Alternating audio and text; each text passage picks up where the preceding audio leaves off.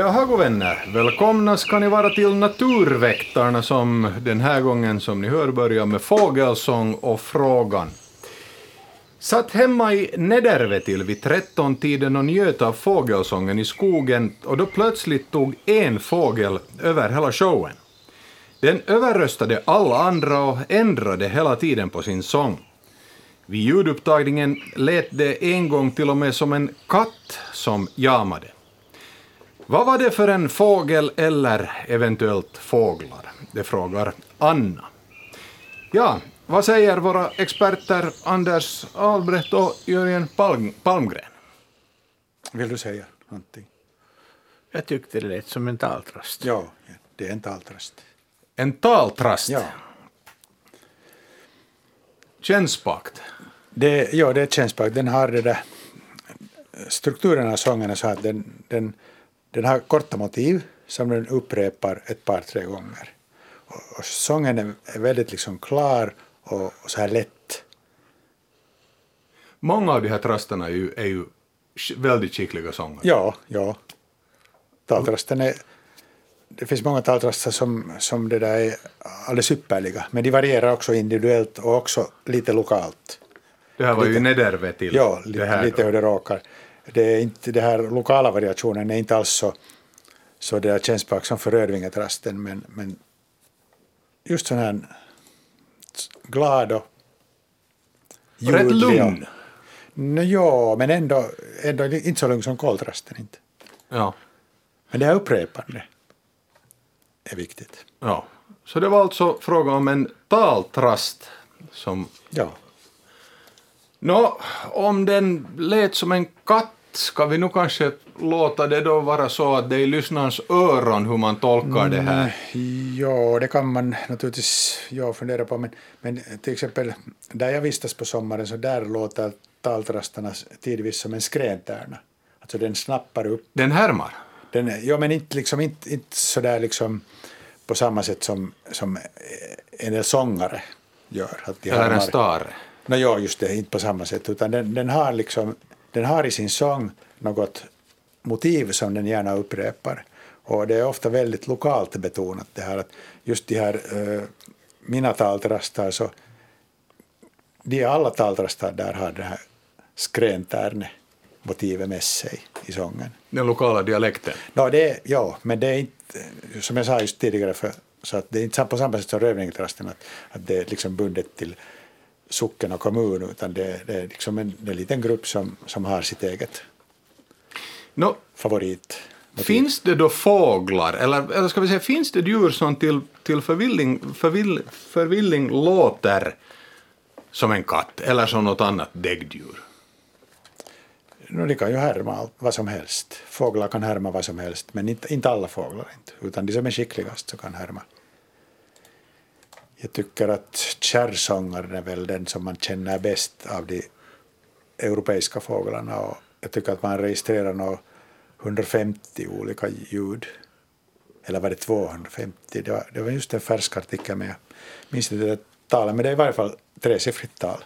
Många. Många, väldigt många. Det snappar upp både här på sina häckningsplatser i Europa och sen på flyttningsresan och sen över övervintringsområdet i Afrika.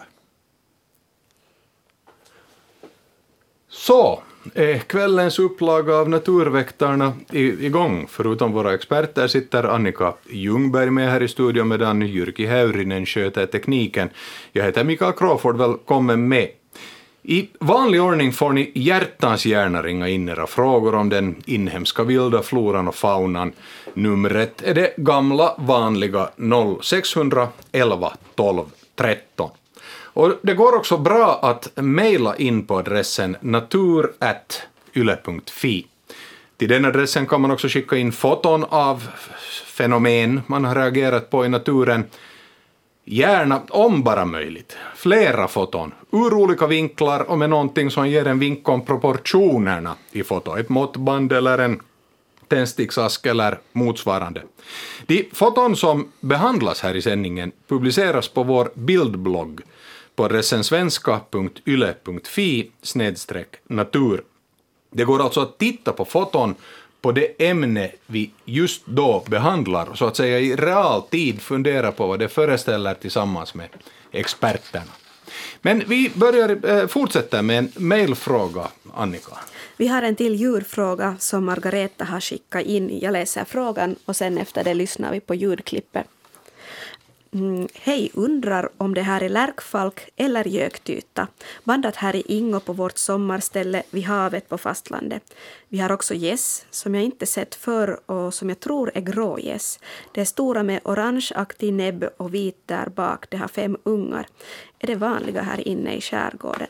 Men vi börjar med läte. Är det här lärkfalk eller göktyta?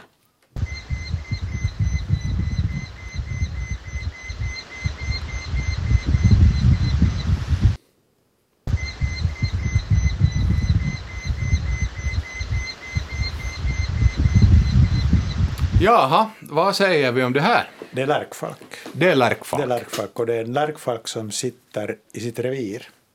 I sitt revir? Ja, och, och småpratar med sin partner eller ja, sen, så är det säkert.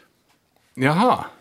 Nå, det här då är en fin iakttagelse. Lärkfalken är en mycket stilig falk. Den, den, den, är, den, är, den är underuppskattad, jo. Den är, den är säkert i skärgården överlägset vanligaste falken och den är, den är fascinerande när den fångar insekter och flygande fåglar. Sländor äter den väldigt gärna. Men finns det inte insekter så äter den småfåglar. Den tar småfåglar i Ja, flykten. I flykten, ja. Ja. Den till exempel i maj, när de har kommit till sitt, ret- revir, sitt revir så kan det här paret starta före soluppgången från si- sitt revir, flyger 45 graders vinkel uppåt, kanske en halv kilometers höjd och fångar tillsammans någon flyttande tätting som kommer in till vårt land. Fint. Och sådär. Mottagningskommitté. Ja, det är mottagningskommittén. Ja, sådär låter alltså lärkfalken, en, en fin iakttagelse. Vi har ett eh, samtal. Eh, hallå, hallå, välkommen med i sändningen. Hallå, Vem har jag glädjen att prata med? det är Susanne från Pargas. Hej Susanne. Hej, jag har en fråga kring eh, svanar. Eh, Det var, vi satt nere på bryggan och solade en dag och så kom det ett svanpar med sina fyra ungar och de, klä, de simmade rakt in vid bryggan och började, vi låg alldeles knäpptysta där så de var inte alls rädda för oss och lite avvaktande nog men de kröp in där och simmade in där och, och började äta av vattenväxterna och de små gjorde sitt bästa också, doppade ner och, och ner i, i dyn där. Och. Men varje gång som eh, svanhonan eller hanen då kom upp från, från vattnet och hade näbben full med, med sjögräs och växter så, så, så märkte man, vi märkte till att den höll på att trampa, med, trampa vatten så där väldigt mycket. Vad, vad kan det bero på? Mm. Ja, vad, vad svarar vi Susanne från Pargas? det, det har att göra med att den, den här svanföräldern kan på det sättet hämta mera ätbart uppåt åt de här ungarna. Både sångsvanen och knölsvanen gör på samma sätt. Jaha, När okej. ungarna, ungarna är små så trampar föräldrarna. Just det. Så att de här liksom- bottenväxterna lossar och Eh, flyter är upp också, ytan? det är också annat Jag de äter. förstår. Ja, ja, ja, det var otroligt vackert. De, Mm. de var säkert en kvart där nere vid bryggan och, Ja. och, och tittade på och sneglade men vi låg knäpptysta där och det Ja. var verkligen en Ja, ni, fantastisk fick, natur. ni, ni fick titta dem alldeles på första parkett då. Mycket för, för första Ja. packet, definitivt. Ja, det virvlar upp en massa Ja. nattsländ och Ja, möjligt. trollsländslarver. Och, Är det så att det är samma svampar alltid som, som förekommer och återvänder till samma, samma marker? Nu, och, nu är det stor chans att det är på det viset. Ja. Att det är samma, för då så är de förra sommaren också. Jag hörde också på en liten video, så Ja. jag, kan, jag kan skicka in den. Så får ni Ni, ni är gamla bekanta. Ja, precis, vi är väl det. Tack ska du ha för ditt samtal. Susanne. Mm, tack så mycket. Mm. Hej. Vi pratar ju om lärkfalken här och lärkfalken har säkert sötebrödsdagar nu. Jag hade en där vid stugan också. Och jag, det, jag, jag påstår inte att det var relaterat, men det är ju en massa trollsländor i, i farten nu Anders, de här dagarna. det, det är mycket, ja. De, de behöver den här, det här kvalmiga vädret, är det så? Nej, inte behöver de, men de, de aktiverar ju sig. Men att det, det är ju först är det ju vattentemperaturen som, som får dem att kläckas. Och sen ju, ju varmare desto aktivare är de och desto kortare blir deras liv. De är ganska snabbt fångar, de hittar varandra, parar sig och så är det slut. Om inte lärkfalken tar dem. Ja, det som ju, det som ju trollsländorna gör när de är nykläckta, de flyger upp på land. De kan flyga långa vägar upp på bergen och upp, upp i skogen. Och, och jagar där några dagar förrän de kommer tillbaka till vattnet och, och börjar föröka sig. Och det, är det sötvatten de ska ha då eller? Det går nog med vårt, vårt havsvatten går bra, men att för de flesta arter. En del ska sen ha rinnande vatten och det är ju knepigare. Ja. Det gäller att njuta av, av det, det är ju en, ett skådespel när, när trollsländerna flyger, verkligen. Vi har Ja. ett eh, samtal på tråden igen. Hallå, hallå, det är Naturväktarna. Vem har jag glädjen att prata med? Hallå, Naturväktarna här. Hallå, är det månne jag på linjen? Det är du på linjen. Välkommen med i sändningen. Tack, tack. Ja, det är Anita från, från det där Kyrkslätt som ringer här och det där. Jag undrar om en sån sak, det var nämligen det här, här förrgår som, som det var en sån tofsvipa som vi har en åker här på, på en 100 meters avstånd ungefär nedanför egen gård och det där. Där var en tofsvipa som väldigt, väldigt mycket flög omkring och gjorde sån dykningar och sånt här. Så jag satt på, på balkongen och jobbade och tänkte- undrade vad, det, vad den höll på med. Och så kom den upp mot egen gård, mot, mot vår gård då liksom. Och, och fortsatte med det där och förde oväsen hela tiden. Och så när jag tittade närmare så sen märkte jag att den hade en liten unge som sprang där på, på, längs med gräset.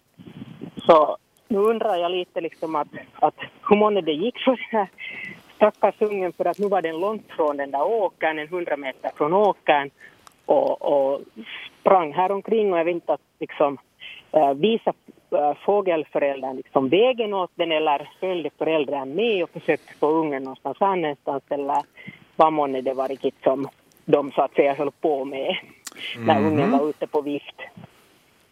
Nu tycker jag det låter som alldeles normalt, eller mer eller mindre normalt övervakande. Föräldrars övervakande av ungen. Fast det, vanligtvis så är det ju inte, det är inte, så här, det, är inte så aktivt utan den här föräldern är nog vanligtvis på marken och ungen är där någonstans nära. Så nå, nå, någonting speciellt var där nog på gång om den flög omkring och, och det där han ropade. Och den hade alltså den där, eh, ungen hade, alltså de hade säkert kommit från den där åkern alltså. Möjligen, och den hade kommit upp längs Ja. med en väg, alltså den Ja. hade ju kommit alltså långa sträckor då Ja. den där lilla ungen tassade omkring. Och så gick den där på gräsmattan, Ja. jag såg den sen. Ja. Jag såg bara en. Ja, det kan, det, kan, det, ja, det kan vara där på åkern att där, där var någonting hotande som, så att den lyckades då locka den här, minst den ena ungen tydligt åt sidan från åkern. Ja, ja, just. Alltså har de bo, var har de bo sen? Det är på, har mark, vid, det, det är på marken, vid åkern eller på eller åkern? på åkern eller, eller någon äng eller någonting, det är alltså öppen mark. Ja, ja, ja. Så de är ganska känsliga för olika rovdjur som rör sig Nå, längs marken. naturligtvis, alla, alla markhäckande Ja. fåglar är naturligtvis känsliga för, Ja. Ja. Kan såna- ormar vara liksom då hot eller något sånt Nå. här? Det står nog ingenting liksom annars som där Nå, som skulle ha i, I kunnat. viss mån, men det finns så lite ormar att det är inte liksom Ja. jämfört med antalet offsvipor det är så litet. Ja, ja. Just, just. No, men månne det där, den nu hittar vägen sen någonstans för att inte ska den nu väl springa omkring på gräsmattan. Här blir liksom skog lite runt och sånt Nå, här. ja, ja, nå, Den var ju nog liksom på så att säga sånt ställe som inte man brukar sitta och svipa. ja, men de kan nog sen med sina ungar kan de, kan de nog liksom lite äv- äventyra om, omkring i näromgivningen. Men vi ska nog hoppas att det gick bra. Ja, bra. Fint. Tack för samtalet Tack ska ni Anita. ha. Hej. Och Annika fortsätter med en eh, fråga som har kommit in per mejl. Ja, vi besvarade Margaretas läte tidigare. Hon hade hört en lärkfalk, men dessutom hade hon också sett eh, grågäss som hon beskrev med att det har orangeaktig näbb och, och vitt där bak och är väldigt stora. De har fem ungar, men är det vanliga här i inre skärgården i Ingotrakten där Margareta håller hus? Jo, Det var ett kort, och kort klart svar Kort på Margaretas fråga. Margareta har haft glädjen att se grågäss, men de är helt vanliga i Ingotrakten. Eh, Då fortsätter vi. Nej, vi har ett samtal här på tråden ett som jag, samtal. vi, vi tar in här. Hallå, Exakt. hallå, det är Naturväktarna. Välkommen med i sändningen. Tack, det här det är Tusse från Västerlandet igen som ringer. Hej Tusse. Ja, och, och jag, skulle, jag skulle fråga lite och jag skulle berätta. Vi har eh, koltrastbo och, och ungarna flög ur boet på midsommardagen Ja. och, och, och blir matade här på gården. Och när jag grävde i mitt trädgårdsland så kom den ena ungen ut från, från ett snår och så kom den och tittade på mig 10 centimeter från min fot och tyckte att kan du nu inte ge något maskar eller något åt mig för att så gör de där andra mammorna också. Och där satt den och tittade på mig. Men du råkar inte ha några maskar i fickan antar jag? Nej, jag sa att nu är det för torrt, så det kommer inte. ja, och så skulle jag fråga att de far ju inte tillbaka till boet. Det, det gör ju inte fågelungar när de en gång har kommit. Nej, norm, normalt inte, ja. Nej, det gör de inte. Nej, men hur länge är de eh, på föräldrarnas revir? När, när måste de söka sig själv bort? No, det är först sen någon senare, alltså de, de, där, de här föräldrarna tänker säkert göra en tredje kull än- ännu misstänker jag nu när förhållandena är så bra. No, jo, det kan nog Och, hända. och det där, men det- de här ungarna får, de får vara där. De är alldeles... jo, än, får- ännu åtminstone. Jo, jo, det är först, det är först sen Men, kommande tider som det blir revirstrider. Jo. Men sen, vi Ja. har äh, kopparormar här, Ja. som vi kallar dem. Och, och pappa koltrast tog en kopparorm och jag skulle säga att den var säkert en 20 centimeter. Klarar äh, koltrasten av att Det var ett präktigt byte det. Jo, Ja, nu, Det klar, var- nu klarar den det. Den, den kastade omkring den och, Ja, den- och till slut såg den nog ganska slak ut men så tog den den i näbben och Ja. så flög den iväg Ja, med just det. Den, den Men kan de faktiskt, nej, men kan de dela den på något vis? Eh, kan de- nej, nej, det kan de inte. Utan, utan det där, jag, jag misstänker att den här pappan stoppar den i, näbb, i, i det där gapet på en unge. Ja. Mm. Ja, men det, den var faktiskt, jag skulle nog säga att minst, minst 20 centimeter. Ja, ja. Den är ju smal men att Den är i alla smal, fall. ja. ja. Jo. Nåja, men det var det som jag Tack, funderade. tack Tusse för, för samtalet. Jo, och tack för svaren. Kopparorm eller ormslå faktiskt på Vässö. Jag, jag det här levde, det var 40 år som jag inte såg en enda ormslå och sen plötsligt en sommar såg jag en massa. Det är, jag vet inte vad det, vad det beror på. Kanske jag har rört mig på fel ställen. Eller så bara av någon anledning råkade de ha ett jättebra år. I olika storlekar och, och de fanns liksom, om jag nu lite tillåts överdriva här, så de fanns överallt en sommar. Nu har det varit mindre igen, men nu var det igår faktiskt en där igen vid oss. Så det är alltid lika roligt att se dem. Jag vet inte hur, hur konjunkturkänsliga de är så att säga. Jo, Ja. de, de får ett ganska dolt liv Ja, det, ofta. ja, De håller Att låg det kan finnas betydligt mer än man tror. ja. Men jag ser inte ens alla år. Inte. Ja. Inte ser jag heller och jag vet att det vimlar på vår Ja, gård av dem. ja. Jo, jo, jo. Mina När vi- döttrar Vi brukar hade med sig. inhyst en, en liten katt där och den var fast i, fa, fast i ett band så den hade en tre, tre meter cirkel att röra sig på. Och varje dag så hittade den flera kopparormar. Och vi hade aldrig sett där. Ja, ja. Mm, no, då är det antagligen bara att det har inte råkat sig att jag har fått ögon, ögonen på dem. De, de tycks då inte variera. Och de var nog alltså som sagt så olika storlekar att alla var absolut inte äh, det här årets liksom. De, de var liksom inte kläckta det, här året. Så, men nu en mejlfråga Annika. Ja, Hedda från Högsåra har skickat in en skum bild. Undrar vad det var som lyste på en tallstam vid min stugterrass. I sakens natur är att bilderna är mörka eftersom jag tog dem klockan ett på natten. Och det är en lysmask, antar Hedda. Men de brukar först synas i augusti. Det är det som Hedda undrar. Vi har faktiskt en annan bild av lysmask som jag ska nämna här i samma, samma veva eftersom Heddas bild består av en mörk bakgrund med lite grönt ljussken. Uh, Anders i Pargas har nämligen också skickat in bild på lysmask till oss. Uh, och på båda bilderna ser man att de alltså har ett tydligt sånt här grönaktigt sken. Men på Anders bild ser man kanske lite mera detaljer. Men det som hör till saken är att lysmaskar är väldigt svåra att fotografera när de har sin ljusa ljusprick mot en, i en mörk skog eller bakgrund. Men vi, kan, vi skulle gärna vilja höra lite mer om, om lysmasken. Hur kommer det sig att den kan lysa? Vad är det för slags mask? Och jo, brukar alltså, de vara vanliga så här i juni? Det här är just rätt tid för dem. Att i, I augusti är det en mest en annan art som heter liten lysmask som man ser. Och sen kan också lysmaskarnas larver lysa lite, vilket man kan se ibland på senhösten. My mycket små svaga ljus som man inte skulle se på sommaren överhuvudtaget. Men det är nog den här tiden. Vad, vad är det som händer när en lysmask lyser? Ja, ja alltså det, det, det är en skalbagge. Hanen ser normal ut, honan är ser ut som en larv. Den, den får aldrig några vingar och den och dens undersidan av dess bakkropp finns där ett lysorgan. Där det, det är två, två ämnen, ett, ett, ett enzym och ett sånt här ämne, ämne som lyser. De heter luciferin och luciferas de här ämnena. Och när de, när de blandar dem så kommer den då att katalyseras, det här, exciteras det här lysämnet, luciferinet, så att det ger ett sånt här grönt, helt kallt sken.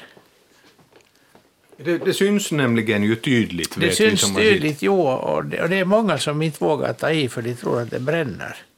Men ja. den är fullständigt sval. Och, och, och det här är då antagligen nu för att locka till sig hanar? Det är för att locka till sig hanar, ja. Och hanen, är, hanen ser ut som en flugbagge som den är ganska nära släkt med. Utom att halsskölden är ganska stor och utbredd och täcker hela huvudet. Så att det, det kommer inget, inget ljus uppifrån om det ska vara månljus eller någonting. Den ser inte himlen ovanför. Och det gör att den har lättare att hitta honor som ju har ett ganska svagt ljus. Så det är alltså precis bara för att öka chanserna ja. att den ser den här honan? Ja. Och när, han, när hanen flyger, den kommer flygande långsamt i 45 graders vinkel.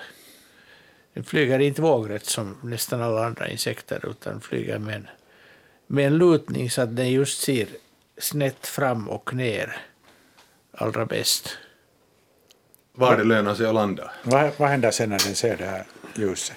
Sen landar den bredvid och så... Dyker den direkt? Den, den flyger ner, ja, ja, ja. Och så parar de sig och...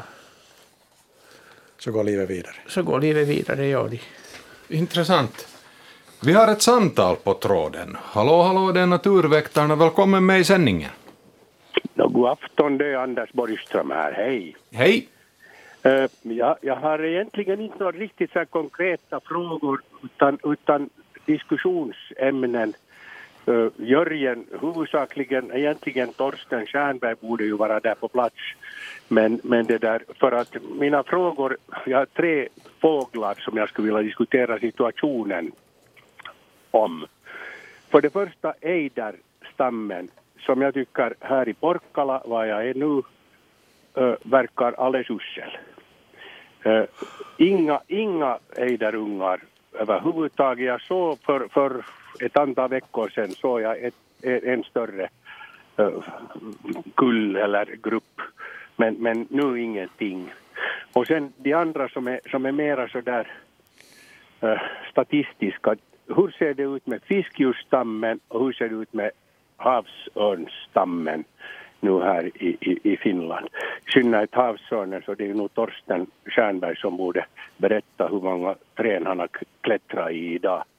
Eller i år. Men här är mina frågor.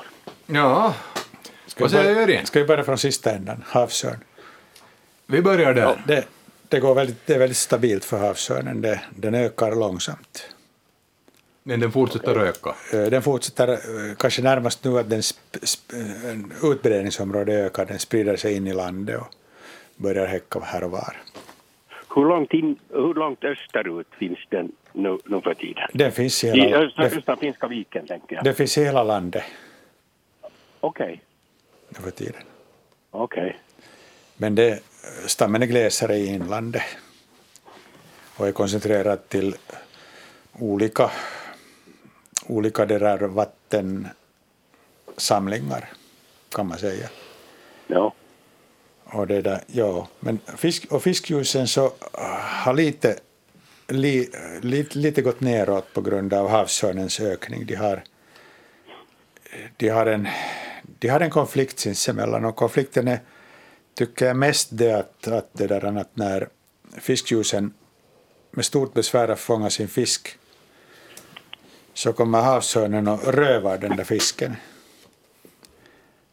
Och det leder, det leder sen till att, att fiskljusen måste jaga mycket mer än vad som annars skulle vara nödvändigt och det, det är jättejobbigt.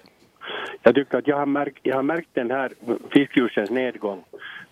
Jag, jag är några gånger per år där på Sondarö nära Anders marker. Och, och, och det där, där, det alltid, där det alltid har funnits mycket fiskljus. men jag såg nog, jag har nog sett nu i år men, men, men nu går det tydligen lite ner faktiskt där också. Jo, jag, jag tycker jag har saknat två par i år. Två, Okej. två, av, två av fem eller sex. Okej, just ja. Jag- har ett bo, fiskhusbo nära mig, säger jag inte desto närmare, men i, i Sondby i Borgå i, i gamla Borgå landskommun. Där uh, cyklade jag förbi för ett par dagar sedan för att kolla, jag hade ingen kikare och då såg jag till min glädje att jag satt två ungar.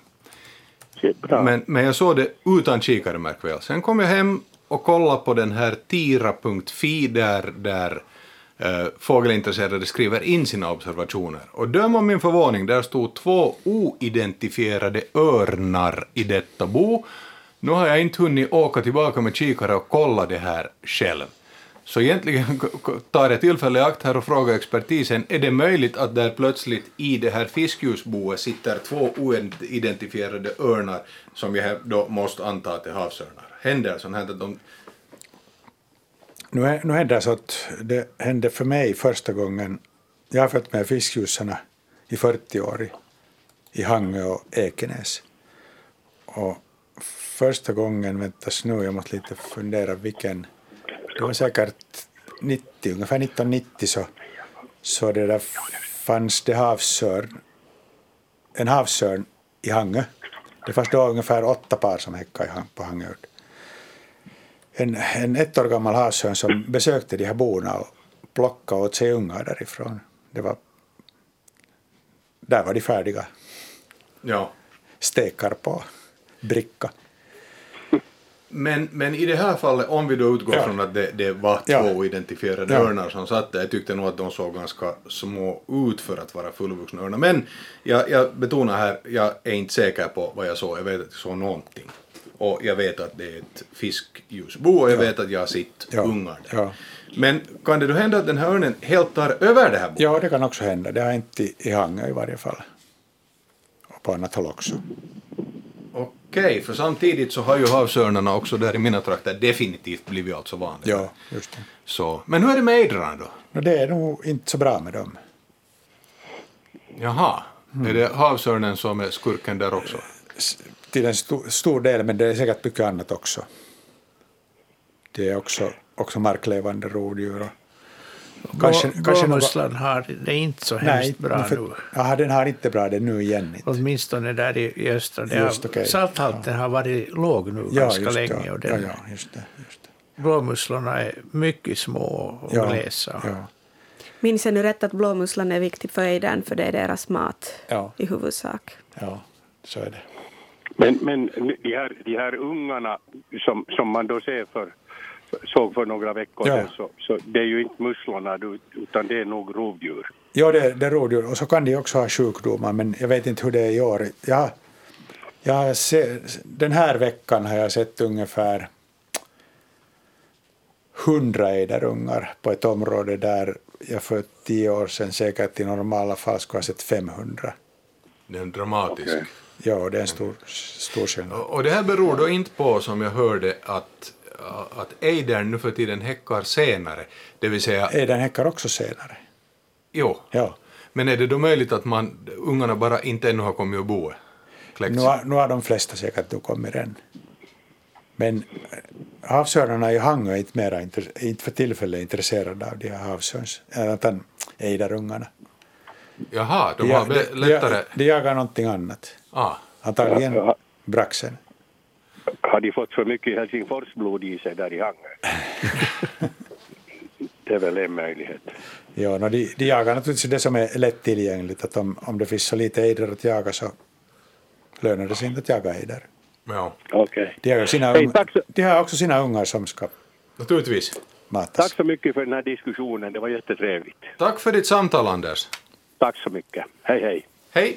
Och vi tar en mejlfråga. Ja, jag tänkte återkomma ännu till vad Hedda nämnde här i sitt mejl efter lysmasken som vi diskuterade tidigare så ehm, tycker Hedda att naturen tycks ha väldigt bråttom i år. Blåbären redan mogna, buskar, gräs och vilda blommor växer så det knakar. Det ser ut som om det fått extra energi, energitillskott och här under försommaren har vi lite diskuterat just det att, att det tog länge för många olika arter att komma igång under våren. Men nu har vi haft, haft hett och vi har fått lite regnskurar här emellan. Ser du, Anders eller Jörgen, att, att det här skulle ha skett en spurt i naturen just nu? Jo, det, det, har, det har skett en spurt för vissa arters del och andra arter har inte alls vaknat ännu. De hänger inte med. Det, det, det, är en, det är en konstig otakt i naturen. Att vi har till exempel på, på natten så av de här stora spinnarna så gräsulven flyger för fullt ännu. Den borde ha slutat för länge sedan. Ekspinnarna har inte börjat ens ännu. Åtminstone har jag inte sett och det brukar synas mycket ekspinnare. Den, den hör till liksom från midsommar framåt. Den dominerar och då är, är gräsulven borta. Och, och många dagfjärilar är nästan försvunna ännu. Vi hade ju en enorm mängd av aurorafjäril då. Höll på länge, länge, nästan fram till midsommar och, ännu lite efter. Och sen har det inte kommit någonting efter det. Vad tror du att kan vara orsaken? Kan, kan det vara så att det var en så kall vår, försommaren var rätt sval och nu plötsligt den här värmeböljan eller vad? vad Jag, jag, för, jag, förstår inte, jag förstår inte vad det är problemet för att de borde ha, de borde ha kläckts. Det har inte varit för torrt och det har varit varmt. De borde ha kläckts men det är nog sitt idag att nu, idag har luktgräsfjärilarna börjat kläckas tydligen.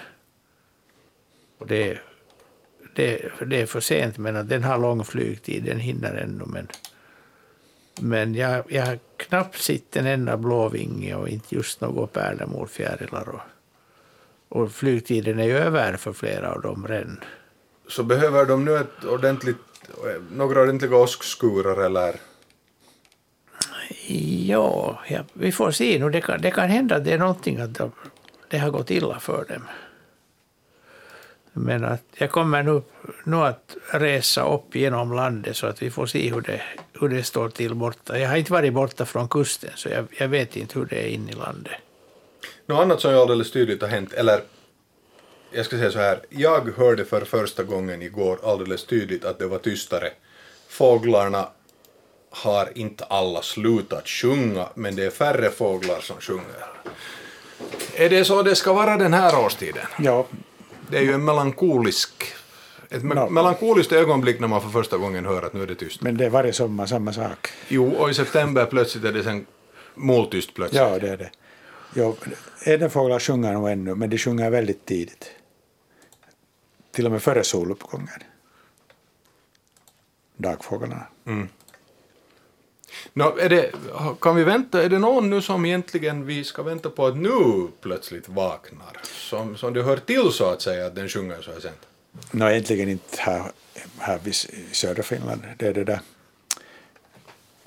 Det finns naturligtvis de arter som, som det där häckar flera gånger så de börjar sjunga på nytt. Vi talar om koltrasten som borde ha sin tredje kull på kommande, så den, Ja, den den, kan, den kan sjunga nu. Och, Ja. och taltrasten har sin andra, andra kull väl och den sjunger. Och ringduvan, skogsduvan också. Ja, men de har så många att det, det, det, det är svårt att hänga med. Man vet inte hur många kullar det är. Tycker jag. Ja, väntas nu, hur var det med... Ja, nu, nu borde de klara av att göra två. Eller så är det så att den har sin andra familj som den ännu No, håller jo, det på kan, att men, mata. men talgoxen typiskt andra, Den, den andra kullen, de sjunger ja. aktivt nu. Ja. Och det kan vara att, att om förhållandena är bra så, så det där, det är f- flera par som försöker häcka två gånger. Okej. Nå, tiden har sin gång. Inte är det någonting. Man måste kanske börja stiga upp före, före soluppgång då om man vill höra, höra fågelsång. Och nattkärran håller på för fullt ännu. Jo. Men den, den, den vet jag inte när den har, när den har ungar. Jag har en gång hittat ett, två äggarden. Jag ska inte säga att jag hittade ett bo, men Ja. så Nå, jag vet inte när det är. vi går så småningom mot nyheter, men Annika har en kort tilläggsfråga om lysmask. Ja, det är Marianne Jakobstad som undrar att finns det lysmaskar i Österbotten? Hur är de utbredda över Finland? Vi diskuterade lysmaskar här lite tidigare. nog, nu undrar jag, den är, de är ganska sydliga. Det där, om ni är, vi kan gå vidare, jag, jag, jag kan checka för att jag, jag får nog reda på det. Vi får återkomma till det här efter nyheterna här som börjar om 45 sekunder. Och då tar jag tillfälle i akt och påminna om telefonnumret hit till studion 0600 11 12 13. Ring om den inhemska vilda floran och faunan 0611 12 13. Det går som sagt också bra att mejla på adressen natur.yle.fi. Och har ni foton så skicka dem till den mejladressen så finns det en chans att vi tar upp dem i vårt eminenta program och ni kan följa med i bildbloggen, ni som inte har skickat in vad det är vi ventilerar. Nu är det dags för nyheter.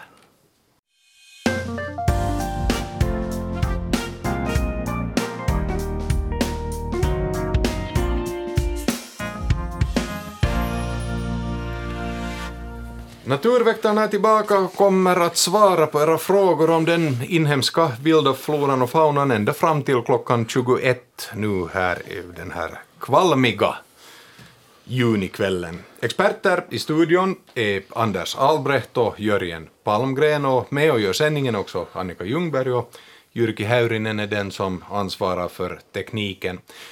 Ni får mer än gärna ringa oss här i studion på numret 0611 12 13. Anders, du ville kolla en sak före nyheterna.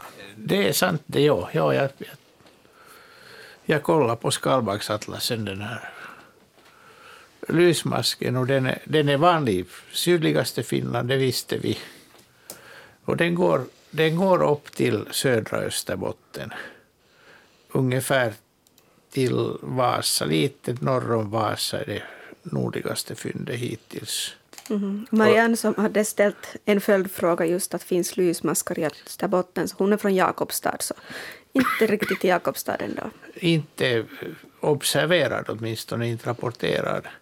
Men, men från Vasa en, en linje rakt, rakt österut till, till ryska gränsen och finns den genom, genom hela, hela landet och den, den glesnar betydligt norrut. Så det är så att ju längre norrut man kommer, också fast man inte har gått norr om Vasa, så blir den alltså eh, Jo. är det glesare. ja, det, här, det är vid sydkusten som den är riktigt vanlig. Vi har ett samtal på tråden. Hallå, hallå, det är Naturväktarna. Välkommen med i sändningen. Hej, det är Mia här. Hej, Mia. Karis. Och jag har en sån fråga att eh, vi råkar, eller min man råkade det här trimma egentligen bortalt gräs runt ett, ett gräsansbo. Och när han kom dit så var där ägg och när han gick förbi där följande gång så hade alla ungar kläckts och nu är de här i vår strand och mamman syns inte till någonstans och vi undrar att vad har de för chans att överleva utan den här mamman som tycks ha övergett dem. Har hon alltså varit borta länge då? Nå, nu liksom eh, ett och ett halvt dygn. Vad säger juryn till det här? Låter lite dåligt. Mm. In- Inte ska de väl vara så länge borta från dem. Nej, inte normalt. Jag tycker de brukar ju inte vilja avlägsna sig överhuvudtaget. nej, nej, inte alls. Men det där, hur, hur har, de där, har ungarna hittat själv till vattnet? Jo, Okej. Nå. Företagsamma ungar. de, de söker nog skydd där i, i Ja, vatten och, ja. och de har nog alltså vuxit. Vi har ju nu då följt med dem ett dygn Ja, och de har nog vuxit och, och de är alla kvar ännu. okej. Hur stora bedömer du att de är? Nu är de sådana här tennisbollar Så eller typ, typ tennisbollar. Ja, just det. så små med andra ord ännu? Men Ja. inte så hemskt små ändå. Nu har de ju tydligt vuxit sen, sen Jo, de äggs, har vuxit. äggstadiet. Om de är som tennisbollar. Hur, hur gamla var de? Alltså inte, de är inte mer än nu då Ett dygn? ett, ett drygt ett Okej, dygn. just så. Ja. Nå, Kanske det Kanske är de klarar unga, sig. kanske det är unga tennisbollar. kanske de klarar sig. Vilka, alltså vi, vi, vi pratade förra avsnittet om skrakar som Ja. adopterar och till och med så att säga kidnappar Ja, varandras ungar. ja. Händer det här nu bland andra andfåglar? Finns det alltså en möjlighet att det är någon annan gräsandshona som adopterar de här ungarna? Sällan. De är nog, de har inte sånt här beteende. Så de är, är ganska vind för våg nu då. Ja. Och, och min mamma kommer tillbaka. Nå, svårt att veta exakt, ja. Men om de nu, om de nu har liksom verkar klara sig, de klarar ju sig nog, några dygn utan, utan en, en, en mamma. Och mammans uppgift är ju att, att leda de här ungarna till trygga och bra ätplatser. Okej, så det är, men det är egentligen ingenting vi kan göra nu annat än följa med. hur de- Nu är det, nu, det, det låter, kan låta brutalt, men nu är det, nu är det liksom så här går det i naturen. Ja. Okej. Ja. Ja. Men tusen tack Men vi, för ert svar. ja, men Vi- vi hoppas, ändå Mia. just det. Vi hoppas på det bästa. Så gör vi. Tack för ditt samtal. Tack. Hej. Hej! Jag ska också påminna om adressen om ni vill skicka oss försändelser riktigt på gammalt gott med brev eller paket. Adressen är Naturväktarna Yle Vega, PB 12 0024 Yle. Och om ni skickar oss någonting. Så paketera det ordentligt. Och se nu till att ingenting är levande när ni sätter det i paketet. Det, det blir ingen glad av. Varken den som hamnar i paketet eller den som öppnar paketet eller den som lever i paketets närhet, ska vi säga så. Men ni får gärna skicka upp prover eller vad ni hittar i naturen, absolut. Men nu en eh, mejlfråga, Annika. Ja, senast du var med Jörgen så fick vi lyssna på ett läte som Eivor hade skickat in som hon hade bandat i Nykarleby. Det var ett fågelläte som hon beskrev som lät som en hund och nu är vi jätteglada över att Eivor har återkommit till frågan. Ehm, och hon har nämligen sökt och lyckats hitta ett boträd i skydd av en gran och filma en hackspett då den matade ungen i boet. Eh, vill man se hur den här hackspetten ser ut så kan man gå in på svenska.ylle.fi snedstreck natur där jag har tagit några bilder från eh, videon där man ser eh, en hackspett och i bohålet kan jag berätta att det är en liten söt unge som tittar ut och får sin mat serverad. Ehm, Men enligt Eivors mening så ser det ut att vara en större hackspett som Eivor har lyckats fånga på bild. Ja, det är större hackspett hon har på bilden. Ja. Hur likn, hurdana läten har större hackspett jämfört med den här vitryggiga hackspetten som vi... Nu är de ganska lika.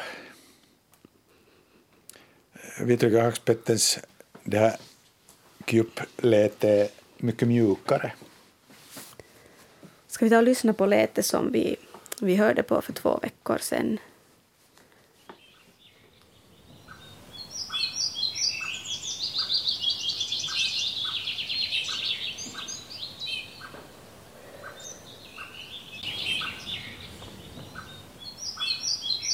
Så det här pjupp-pjupp-lätet är det som Eivor var ute efter. Ja. Um, kan det här vara större hackspett som, Nå. som säger pjupp-pjupp här? Ogärna. Du tror att det är en vitryggig hackspett? Men jag tror nog alltjämt att det, eller jag- kan säga att det är inte större hackspett, det här som vi hör på, på, på det där bandet. Men det är tillräckligt att hon har hittat större Det är jättebra Ja. jobbat att Ja. hitta ett, ett, ett bo där Ja. de tittar ut ur hålet. Jag tycker Ja. att det är jättesympatiskt. Mm, Men går det, skulle det gå att hitta, hur ska man hitta ett vitryckigt hackspettbo? Man kan inte hitta det mer i år för den häckar tre, fyra veckor tidigare än större hackspett. Ja, Så det de förklarar ungarna, saken. Ungarna flög ut för en månad sedan. Vi, vi pratar ju här före nyheterna om hur, hur ejder, fiskljus och havsörnen mår. Hur mår hackspettarna? Det eh, speciellt vitryggig hackspett har ju pratats mycket om Ja, det är tiotals år. Tiotals år. Den, Ja. den mår bättre. Den mår bättre. Den mår bättre, ja. Det är ju glädjande. Ja, visst. Har du någon förklaring? Är det medvetenheten hos människor som har ökat, eller skogsägare, eller? Nu är det, nu är det kanske så att, att det där sådana bra biotoper har kunnat sparas för vitryggiga hackspetten. Det ska vara sådana äh, frodiga skogar med mörkna träd. Ganska ljusa sk- skogar med mörkna träd. Och större hackspett, hur mår den? Och den mår, den mår bra. Nå, det är glädjande nyheter. Den klarar, den klarar sig. Den klarar är, sig. Den är ju en sån här framfrusig. Jo, den är, ju, den är ju dåliga nyheter för många holkbyggare. Ja, också det. verkligen. Också det ja, Det är bara att Ja. räkna hål, hålen i sidan på holkarna Ja, så ser det. man att det går bra för den. ja, Ja, den behöver inte ens alltid slå hål, utan den kan komma flygande och på blixtsnabbt sticka in nä- Ja. nä- näbben i Ja, den här ja, det öppningen göra, ja. och så far den iväg med Ja, ungen. just det. Ja. Jag till exempel gjorde så upp på min blåmesholk att när, när det där jag, jag inte hade tömt den på flera år så märkte jag när blåmesen ruvade att 17 ändå att den är, den är bara 3 centimeter från hålets Ah. nedre kant. Så jag tog bort 10 centimeter där under. Allt, Ja. fortsatt, allt fortsatte lyckligt. Just. Ja, hos oss brukar de gå, gå där nedre bakre Ja, hörnet ja, slår, de, det. Ja, ja. slår de hål. Ja. det går också på nolltid. Det går på någon Ja, tid. ja. Vi har ett samtal här. Hallå, hallå, det är Naturväktarna. Välkommen med i sändningen. Tack så mycket. Jag ringer från eh, Ådön utanför Jakobstad. Och jag undrar, vi har en fiskmås som ligger på och ruvar på ett ägg. Är inte det lite väl sent? Nå, Ja. Egentligen inte. Eh, eh, fiskljusen, eller fiskljusen, fiskmåsen så lägger gärna ägg i maj. Ja. Men av olika orsaker, oli- olika orsaker så kan det här första försöket misslyckas. Och, och många av de här kan lägga på nytt. Och när, när ruvningstiden är, den är väl tre veckor eller jag, Jag tror det stod 34, runt 34-35 dagar. Ah, Okej, jag, jag, har- mitt minne sviker mig i så fall. Jag, jag kollar här i min, min maratontabell för att inte prata strunt. Nå, där. 24 till 28 dygn, alltså tre och en halv till fyra veckor. Mm. Ja, så, så det där, då, om den, då, alltså många misslyckades i samband med höga vattenståndet i juni. Ja. Och en del av dem lägger om och de kan ännu ruva i det här skedet. Ja, men då så. Och det fungerar tror alldeles- det fungerar alldeles bra för- Har vi smyger runt den så att vi ska störa den? Ja, men den är ju, den är ju, ganska, den är ju ganska tålig nog. Ja. Ja. Ja, ja, men då så. Då, Ja. då håller vi tummarna och hoppas Ja. att det blir någonting. Ja. Men tack så mycket. Fint, tack det. för ditt Ja. samtal. Ja. Hej då. Tack, tack. Hej. Har du Annika några mejlfrågor åt oss? Ja, jag tänkte ta upp en annan fråga som vi diskuterade för två veckor sedan senast då Jörgen var med. Då fick ni, du och Hans fundera över en skalle som Robban har sparat. Den är hittad på ett holme i Åbolands skärgård för dryga 40 år sedan. Men då var det ganska svårt att säga vilket rovdjur det var. Så lovar du ta frågan vidare till en annan expert? Ja, jag, jag lovar, jag lovar fråga, fråga uh, Henry Pilström om, om den här skallen och hans svar kom fem minuter efter att jag skickade honom frågan och, och det där svarade så här att hej, det, det där är en skalle av en grävling. Mm, man kan se det bland annat på den relativt höga benkammen på gässan, fäste för tuggmuskler, och på kindtänderna som är breda och relativt trubbiga allätartänder. Mm.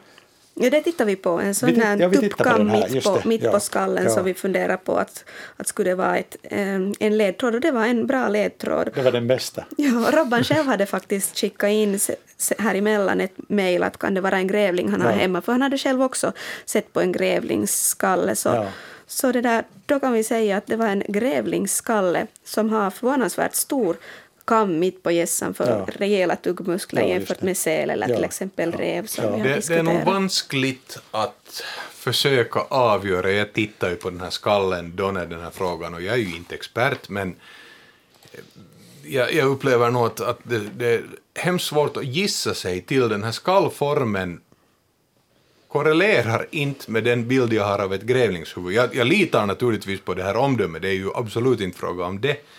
Men jag tycker att det är alltid samma problem när jag tittar på skallar, på foton av skallar, att om de inte har stora horn så är jag inte säker på om det är en älg eller inte. Och jag är ändå glad över att vi, grävling var ett av våra alternativ då för ett par veckor sedan. Ja. Det var någonting positivt. Ja. Vi var på rätt spår, det var Robban också. Så bra att vi fick det här Ja, av, avklarat och utrett. Nu har vi ett samtal på tråden. Hallå, hallå, det är Naturväktarna. Välkommen med i sändningen. Sjöholm från Dalsbruk igen, hejsan. Hej. Eh, Jag skulle bara berätta om hackspettarna. De, de, är, de är ganska roliga, för de var två först, men sen kom de med två ungar. Och nu har vi dem, eller nu är de inte så mycket, men kan vi sätta ut och kattmat som vi matar vildkatten med och allt det. De satt den på vår terrass och matade, matade ena ungen. De tog från maten och ungen satt bredvid och gapade och bara och gapade och skulle ha mera. Man, vi har faktiskt skrattat åt dem. Det var en som badade i vattentunnan och mm, de, de, är helt, de är ganska roliga måste jag säga. Det här antar jag är en större, större hackspett då. Ja, ja antagligen. Det är, det är sån där, är, hanen har rött i nacken. Ja. Ja. Ja. Så här var först en, men sen kommer två, sen kom de med två ungar hit till ändå. De är mycket de- aktiva, jo. Ja, men de är roliga. De gör ju lite illa naturligtvis, men roliga att se på är de. Mm. Och det ser roligt ut när de sätter och, och matar. Tog från fart och, och gav åt ungen som satt bredvid och gapade och nämnde inga fix. Så Titt, titt, hon skulle ha mera. Det finns mycket jag tycker att är obegripligt i naturen. En Ja, av sakerna jag tycker är fullkomligt obegriplig är hur en hackspett ur ett djupfryst trä när det är minus 30 grader lyckas hacka fram en, en mask. Det, jag, jag är full av beundran, ska vi säga så. Ja, men jag har läst i en naturbok att de har en fjäder i nacken som vibrerar. Annars skulle de inte klara av det. De skulle få... Ja, det var en som sa att de skulle säkert få tinnitus då, så sa jag ju milt sagt. Ja, huvudvärk skulle de säkert få. jo, mer och mer. När de hackar i plåtar och i träd och... Det, det går nog bra för dem. De har ju senor från näbben som går runt i. Och så har de eh, fler, flerdubbelt hornskal på näbben. Ja, Så de är liksom flera näbbar in i varandra. ja. Ja. De, de är nätta att se och så beter de sig så roligt.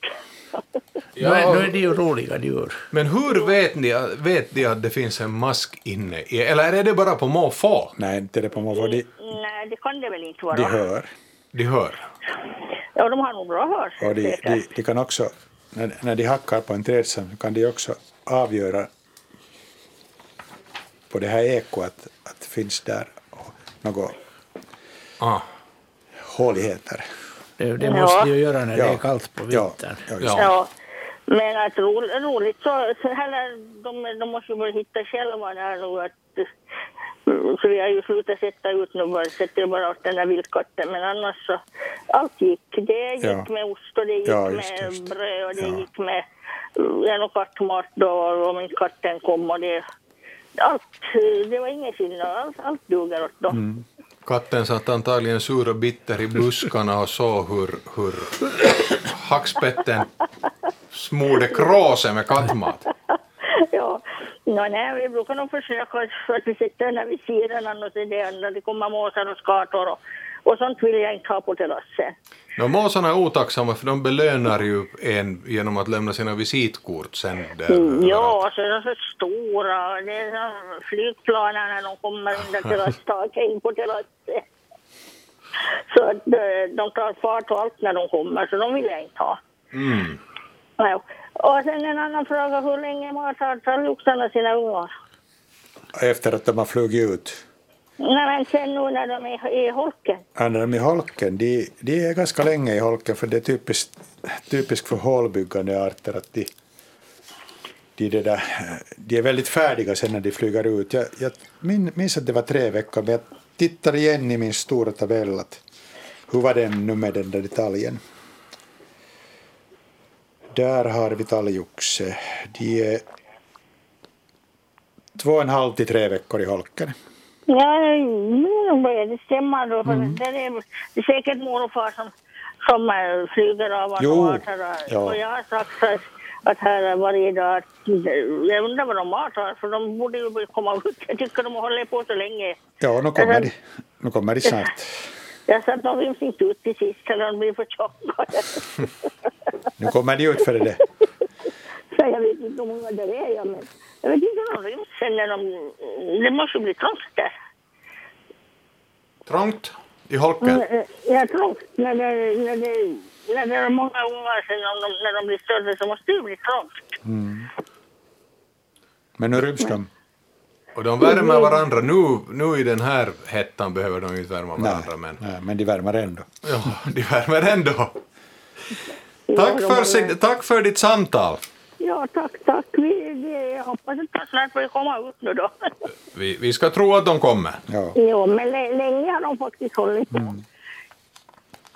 Jo, ja, men tack ska ni ha. Tack ska du ha. Ja, tack. Hej då. tack. Ja, hej. Har du Annika några mejlfrågor som du vill Ja, vi diskuterade grävlingsskalle här tidigare och nu har vi fått en annan skelettfråga från Jenny och Anders. Vi hittade detta skelett på stranden vid vår sommarstuga på Hotskär, Mossala. Vi gissar att det här är en grävling. Vad tror ni? Vi har tre bilder som Jenny och Anders har skickat in som finns på vår bildblogg. På den första bilden så ser vi strand, en vik, vilken vacker strand det är. Men där på stranden halvt i vattnet ligger det ett skelett och med skalle och lite ben utströdda runt omkring. Och vi har en fin profilbild på själva skallen och den är väldigt avlång. Det är någonting som jag lägger märke till. Och sen ser jag tänder som, är, som jag tycker är sådana riktiga rovdjurständer, vassa.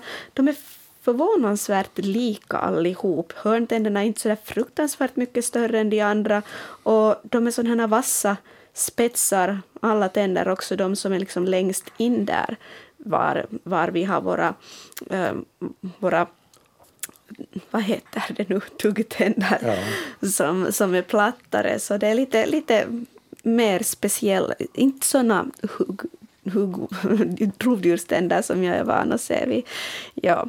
Eh, sen har vi ännu en tredje bild av den här högen där närmare stranden som innehåller diverse kroppsdelar, lite hår ser vi, sådana här grå beigeaktiga hår på bara en liten del av kroppen. Men så ser vi en tass eller en kort bit med stora kraftiga naglar. Det är också kanske en ledtråd som, som hoppeligen hjälper dig Jörgen på traven.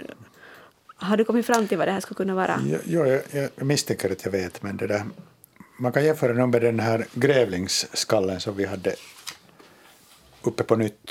Så Ja. Här saknas ju saknas den här kammen på gässan. Mm, om man går in på svenska.yle.fi snedstreck natur så Ja. ser man de bilder vi diskuterar och, och vi diskuterar just Robbans skalle, Ja. att det är en grävling. Sen vad som fattas här som grävlingen ska ha är rovtänder. Alltså det som, det som eh, Pilström poängterar att man ser rovtanden i den här grävlingsskallen som så var den för, före, det föregående fallet. Det, här finns ingen rovtand. Ja, den, här, den här hörntanden. ska- Nej, utan den som är här, här i, mitt, mitt i tandraden. Okej, är Eller bak för på, tand, bak på tandraden. Ja. Och sen är de här, de här hörntänderna inte så långa som, som de skulle vara till exempel. De är mycket kortare än om man, om man nu tänker på en räv. Mm. Och sen ser man, den, den är ju bra den här bilden, det är bara att vi har inte någon måttstock men, men den är bara att Och vi ser den här som vi ser handen på den vänstra bilden. Okej, ja, den är, ganska, den är ganska stor den här skallen. Den är ganska ja, stor, Den är ja. ganska stor. Den är, den är, enligt vad jag kom till så är, det en, är den för stor för att passa på, gräv, på grävling. Men vem Det, kan det passa in det på? passar in på gråsäl.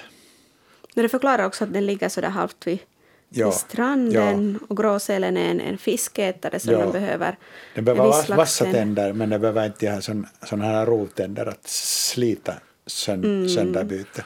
Och tass, tasse passar bra Pass- in. tass- Ja, passar jag, jag skulle komma till den, den här tre, på det här tredje fotot ser man ju alltså en tass med Ja. långa klor. Klor, just det. Ja. Så Det säger- gråsälen har alltså klor? ja. Jo, Någonting måste den ta i fisken. Det är något som man Mm. inte ser. Man tycker att de har så... De är Simhud. sådär väldigt söta. Söta det där an, små Det tycker labbar. säkert inte en, en mört, ska vi säga så här. Men här ser man att de har faktiskt... Jag har svårt att hitta någon referens, men hur långa skulle de här klorna kunna vara? Fyra centimeter långa? De jag, jag, hittar, jag hittar inte något mått på dem så att jag kan inte säga. Men häftiga klor. Ja, men det har också att göra med att där är den här resten av, av tassens struktur är nästan borta. Så, Ja, så de, den de, har fram, kanske de framträder väldigt, väldigt tydligt. Ja, allt det här syns definitivt ja, inte utanpå. ja. Säkert har de simhud också Ja. mellan, mellan de här tårna. Och sen det här håret, håret som jag nämnde, så det passar ju nog in på gråsäl. Mm. I, I det här första av de här tre fotona ser man ju också det här långa benet som tyder på att det är ett rätt stort Ja, djur. ja, man kan misstänka det, ja. Så intressant. Vi, vi, en gråsäl, säger experterna. Så, så gissar jag den här gången. jag håller nog med. Ja, Och naturligtvis så här, precis som Annika sa, så här vid stranden så, så kan det mycket, är det ju det kan ju vara mycket annat förstås, men Ja, det passar in på en havet gråsäl. hämtar in ett och Ja, annat. Ja, ja, men det, det är ju landet också. ja, det gör det också. Ja. ja. Väldigt intressant, ska jag säga. Har du Annika några flera mejlfrågor? No, mejlfrågor finns det. Det finns så mycket att, att vi inte hinner svara ens på hälften av dem. Men det där, vi försöker göra ett jämnt urval av olika teman. Följande tema är små gropar i marken och små kryp som kanske orsakar dem. Reino har skickat en bild på ett kryp och gropar. Undrar vad det här är för krabat. Gräver små runda hål i myllan på dikesbranten. Finns i Snappertuna nära Raseborgs ruiner. Det finns en ekskog cirka 100 meter från det ställe där krabaten huserar. Det är tyvärr lite svårt att se hur stor den här krabaten är. Mm, vi har då två bilder och här på bildbloggen till vänster så finns eh, sand eller mylla och en skrämmande grej som har precis samma färg som sin bakgrund. Väldigt stor bakkropp. Och på huvudet sitter det fast två väldigt stora kloaktiga utskott. Eh, uh, och hemskt mycket mera ser jag inte på den här bilden. Uh, den andra bilden så visar små sådana här ganska djupa och spetsiga gropar i myllan och det är över fem stycken här med svårt att se hur stora de här är, men med ganska nära mellanrum till varandra. Går det Anders säga på basis av det här vem, vem det är som... Det, det gör det, ja, ja, vi kan på basis av vem det är så kan vi säga att den är ungefär centimeter lång, den där Kravaten. krabaten. Och det, det är larver av en, larven av en myrlejonslända. Alltså det är, en, det är en, om ni vet de här guldögonsländorna, de här gröna, så det är en släkting till dem, men att den här är flera gånger större. Den blir väl upp till en sju centi mellan vingspetsarna när den flyger och är helt i princip färglös. Den är så där eh, grå genomskinlig och flyger på natten och, och den är det är faktiskt spännande att se den flyga på natten för man, man ser den inte men ändå ser man den. Mm-hmm. Det, är liksom, det, det är som någonting att den är ganska lätt att fånga på natten för att det, det är bara någonting som rör sig där i luften och så tar man med hoven och den är långsam. Och den här larven den, den har vissa intressanta grejer. Och de här utskotten här, det är käkar som är ihåliga.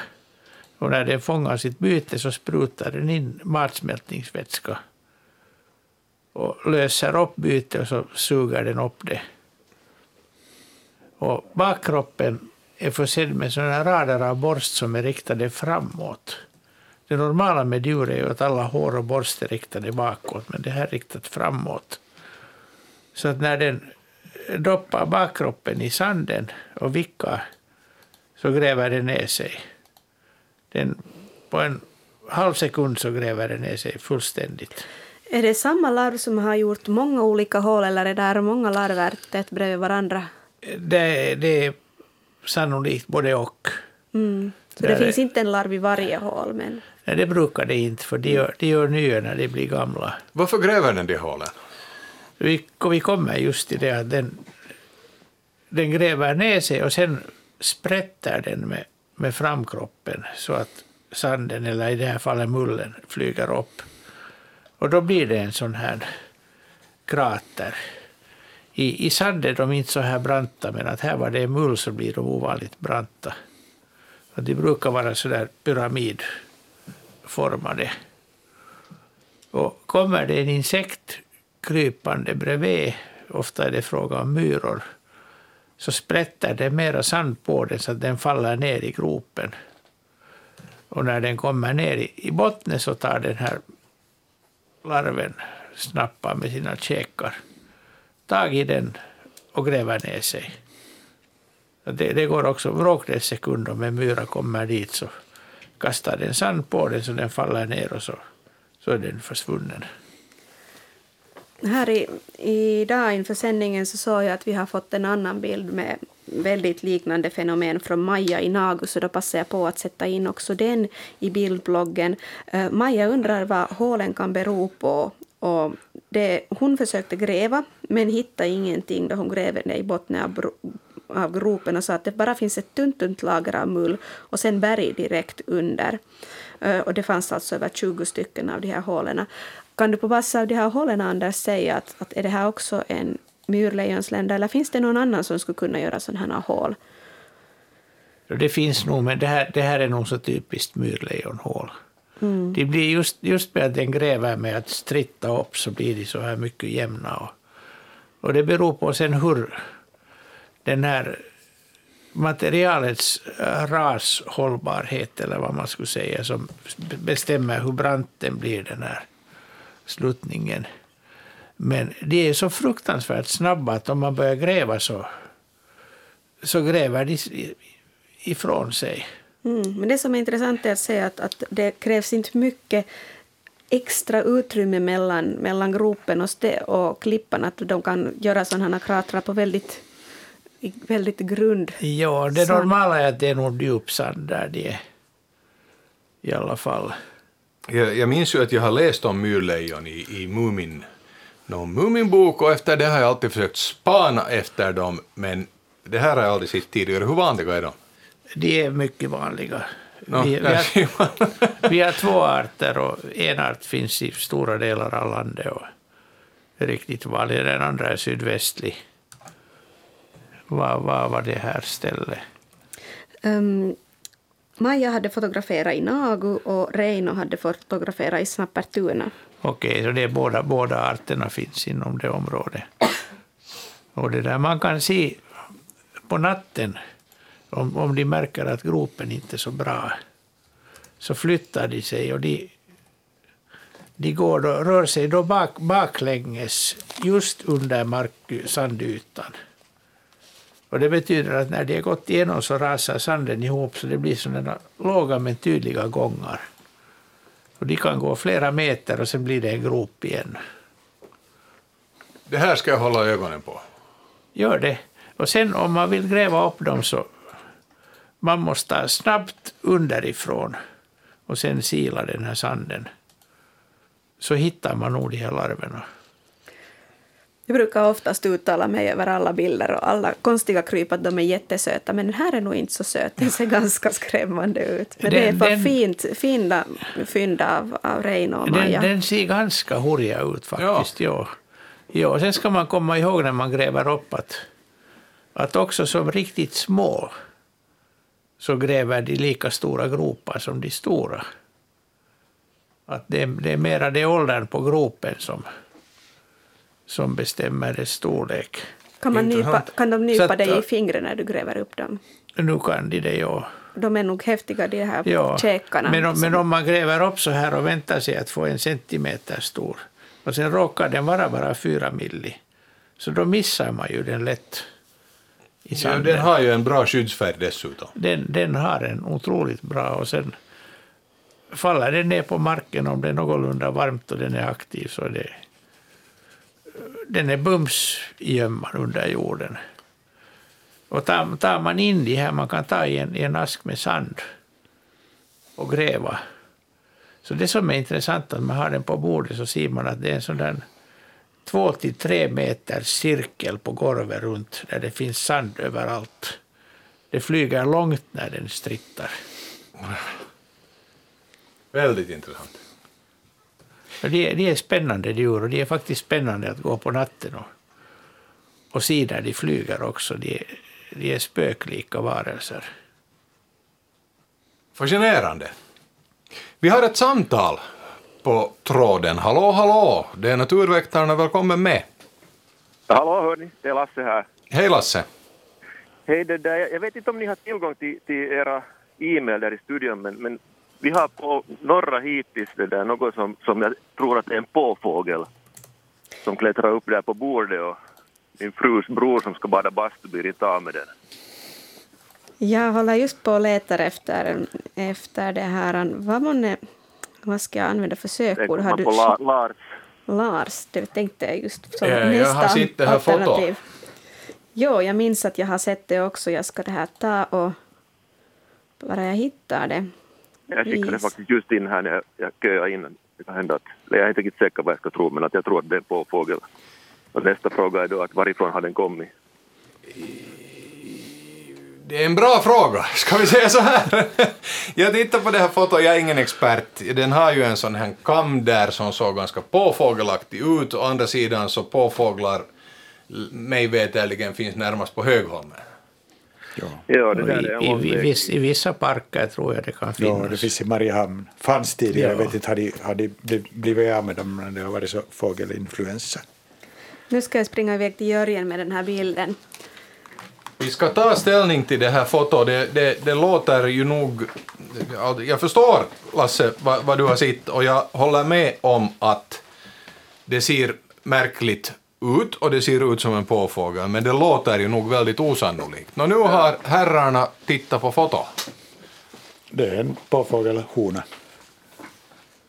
Det är en påfågelhona. ser det ut som. Så ser det ut, ja. Nå, nu Skulle det vara frågan... någonstans i Himalaya så skulle jag nog inte våga säga. Mm. Där finns ganska många arter av Ja. liknande. Ja, Men ja. om det är här hos oss så... Vad nu i all sin dar gör den på Ja, nu vaknar frågan, hur har den, vad, vad har den på hittills att göra? Jag, vet, jag inser att vi spekulerar nu förstås, men låt oss spekulera. Jag, jag, har inte, jag har inte någon aning. Har du Lasse någon teori? Nej, någon, någon skojare till grannen har fört den dit, men att det då får man vara ganska kreativ. Så alltså, be- berätta på nytt nu, alltså den är på din gård riktigt konkret? Men den står där på, på bordet och så tittar den omkring och min frus fru som sagt gå- går i bastu och han försökte chassa bort den men den vägrar fara någonstans. Men det där, det där är nu liksom ganska nära Kasnäs och, och det där, inte vet jag. Om inte någon har fört den dit så måste den ju ha flugit dit men, men an, antar att de kan flyga utan på Högholmen där de är klippta. Ja, Nej, ja, jag vet inte. Ja, det är alldeles klart att den, den liksom har kommit nog med människohjälp. Det, det kan man inte... Du råkar inte veta om det är någon granne till dig som har en hobby att, att ha påfåglar eller olika exotiska fåglar någonstans. Nej, inte, inte vad jag vet, inte, inte där. Men det kan ju hända att någon har börjat med det nu. Att det där, man måste gå och fråga omkring att det där har någon tappat en påfågel. Ja, det är ju lite riskabelt bara. Ja, det är, ju- det är ju lite riskabelt. Man, man får stämpla som bydåre mycket hastigt om man går till grannen och frågar efter påfåglar. Men säg att naturväktarna sa att det är en påfågelhona. Men, men hur den har tagit sig dit, det är mer än vi kan svara på. Ja. Hur det skulle jag kunna ha den där Rosala på det här vikingacentret. De har ju allt möjligt konstigt. Ja, jag har aldrig varit där, så jag vet Ja, jag känner inte till. Försök googla Vikingacenter och se vad de erbjuder för förlustelser där. Och det här är jag, Ja. de, som det sagt, där- jag är, jag är helt slagen till slant. Men nu är det påfåglar sånt som Ja. man kan hålla som husdjur, så Ja, det det- låter som den rimliga ja, förklaringen. Ja. Ja. Okej, det där, vi får undra vidare på saken och se om det där, någon, någon vill ha tillbaka sin där. Fint Där- där Lasse, tack, tack för ett intressant samtal. Okej, tack själv. Tack, tack. Här, eh, förresten, våra aktiva lyssnare har också närmat sig oss med anledning av lysmaskarna. Här är eh, Gunni von Essen har mejlat in och sagt att vi har sett lysmaskar i Nykarleby redan i slutet av 1970-talet. De är inte så vanliga. Nej, och om inte Skalbagsatlasen har den dit där i närheten ens så. Ja, så det är en, en mycket fin Ja. eh, observation. Och ni får gärna, äh, bästa lyssnare, också fast det inte är foton, om det är någonting ni vill kommentera till det vi, vi säger, har några äh, eh, egna bättre teorier eller svar, skicka gärna in dem. Annika, har du några flera frågor? Eh, vi tar följande fråga som kommer från Alexander. Han var ute och fotograferade backsvalor kring Nykarleby och då såg han en fågel. Skulle ni kunna klargöra vad, det, vad för art det är? Det tittar vi på med här med, med Mikael före sändningen, men kom inte så långt. Men om man går in på vår bildblogg på svenska.yle.fi natur så kan man beundra Anders fina, skarpa bild. Eh, den är i en sån här stenig område, omgivning och den är ganska stenfärgad själv. Den är ganska spräcklig med brunt och grått och svart. Och, En ljusa, ganska- och ljusa fläckar. Okej, ljusa fläckar, det, ska vara ålders- viktigt. Det är ålderskännetecken. Det alltså Men sen ser den lite sån där späd och kanske lite tilltufsad ut Ja. också. Och en ganska späd liten näbb. Vem kan det vara? Den har just hoppat ut ur boet. Det är en unge. Det är en unge. Det gör det alltid svårare. Ja. Och den är, man ser att den är, sitter gärna ganska upprätt, har ganska långa ben. Och, Den har vitt på stjärt. ja, den har vitt på stjärtbasen. Ja. Den, stjärten är lite kortare nu, den blir, den blir betydligt längre med, med åldern. Nej, jag tänkte att det är det här mm, riktningen, som, bildvinkeln som gör att den Nej, ser det- kort ut, nej, men, det- men det den ser väldigt, Den, väldigt den kort växer ut. ännu, Jag känner inte alls unga, men jag, jag kommer att tänka på stenskvätt. det är riktigt. Ja, Den det- har det- också det. väldigt platt skalle nu när du Ja, mm. säger stenskvätta så... Jaha. Så låter det Nå, det biotopen är ju som gjord för Ja. stenskvättar. Jag tänkte att du visste när du började prata om stenar, att här är sten i terräng och sånt. Stenar som skvätter omkring. Ja. Men, men då tycker jag nog att den liknar ju inte en adultfågel. En Nej, vuxen nej utan den, är, den, är, den är liksom den är, den är brunare och den har ljusa fläckar. De ljusa fläckarna är, är många trastfåglars eh, kännspaka för många trastfåglar. De slits sen bort de där ljusa fläckarna. Ah. Du sa att den har just då lämnat boet Ja, ganska nyligen. Hur, hur bygger de bo? Alltså jag vet ju att de bor i sådana här miljöer, men hur har de? det, det är bland stenar, det är svårt att komma åt dem. Ah. Okej. Fint. Eh, vi har ett samtal igen på tråden. Hallå, hallå, det är Naturväktarna. Välkommen med i sändningen. Tack, det är Gunilla från Ingo. Hej Gunilla. Jag funderar på en sån sak. Jag jobbar nätter ibland och är ute och kör och så här. Och, och det där förra natten så såg jag en sån här, eh, jag skulle vilja säga att det var en räv. Och, men den liknar ju en schakal. Den hade ju inte alls den här riktiga rävfärgen. Är det vanligt? Kort och En- en jag, jag, vet ju hur, en- jag vet ju liksom hur en räv ser ut. Ja, Men så- den här var ju så här ja. brun och brunfläckig och mörkare fläckar, lite så här som en mårdhund. Ja. Men det, det, det var ju en räv. Det Ja, var ju det, det det, det ja, det kan ju variera i färgsättning ganska mycket. kan det, ja. Och särskilt den här tiden när, när, det Okej. där, när de här eh, mammorna som har sin kull att sköta, de är ganska, ganska det där slitna och ser ganska ruggiga ut så de kan No, hon var nog, det var ju nog ynklig, ja. Ja, det var mager och, Ja, just det. stark, De, ja. Det är typiskt just att de blir väldigt magra när de, när de jobbar så hårt med sina ungar. Ja, precis. Ja. jag kom ju körande sådär att den fick ju inte sin hara som den tittade på där. Ja. Så den har den fått ena hållet och räven åt andra. Men Ja. alltså där, det var den där färgsättningen som jag började reagera på. Ja. För att jag såg, natten innan så såg jag också, men då såg jag inte så säkert att det var en räv. Just. Utan då tänkte jag sen att det där att, men att nu såg jag den där vita stoppe, Ja. spetsen på, på Just, svansen och allt det Ja, här. Så det ja. där, så, Och stor, så- storleken passar säkert också på räv. jo, alltså det, Ja. det, det var lika smäcker och det Ja, var, alltså, det det. var en räv. Ja, Ja. ja utan virre. Men, men att det, där, det var den där färgsättningen bara Ja. jag funderade. Att, Mm. att, att hur, van- hur vanligt är det? För jag, har, Jag, jag, kan, jag kan inte säga vilka är de olika färgvarianternas proportioner men, men det där, nej, nej, men man att kanske hittar det någonstans. Att det finns. Det ja. finns. Ja, bra. Okej, tack ska du ha. Tack för ditt samtal Gunilla. Intressant. Tack. Hej. Och vi ska harva lite bland mejlskörden Annika. Ja, vi tar en spindel till näst. Det är Filip som har skickat två fina bilder på en präktig spindel. Och Filip undrar, vad är detta för spindel? Har aldrig sett någon spindel som är ens i närheten så stor som denna. Den sågs i Jakobstadsområdet och det var nära vatten. Är det en sån här spindel som trivs nära vatten eller är det ett sammanträffande? Det, den trivs nära vatten, ja. den heter kärrspindel. Och är en av våra allra största spindlar. Det är, det är ju inte så lätt alltid att säga vad storleken, för en del har stor kropp och andra har långa ben och den här har lite både och.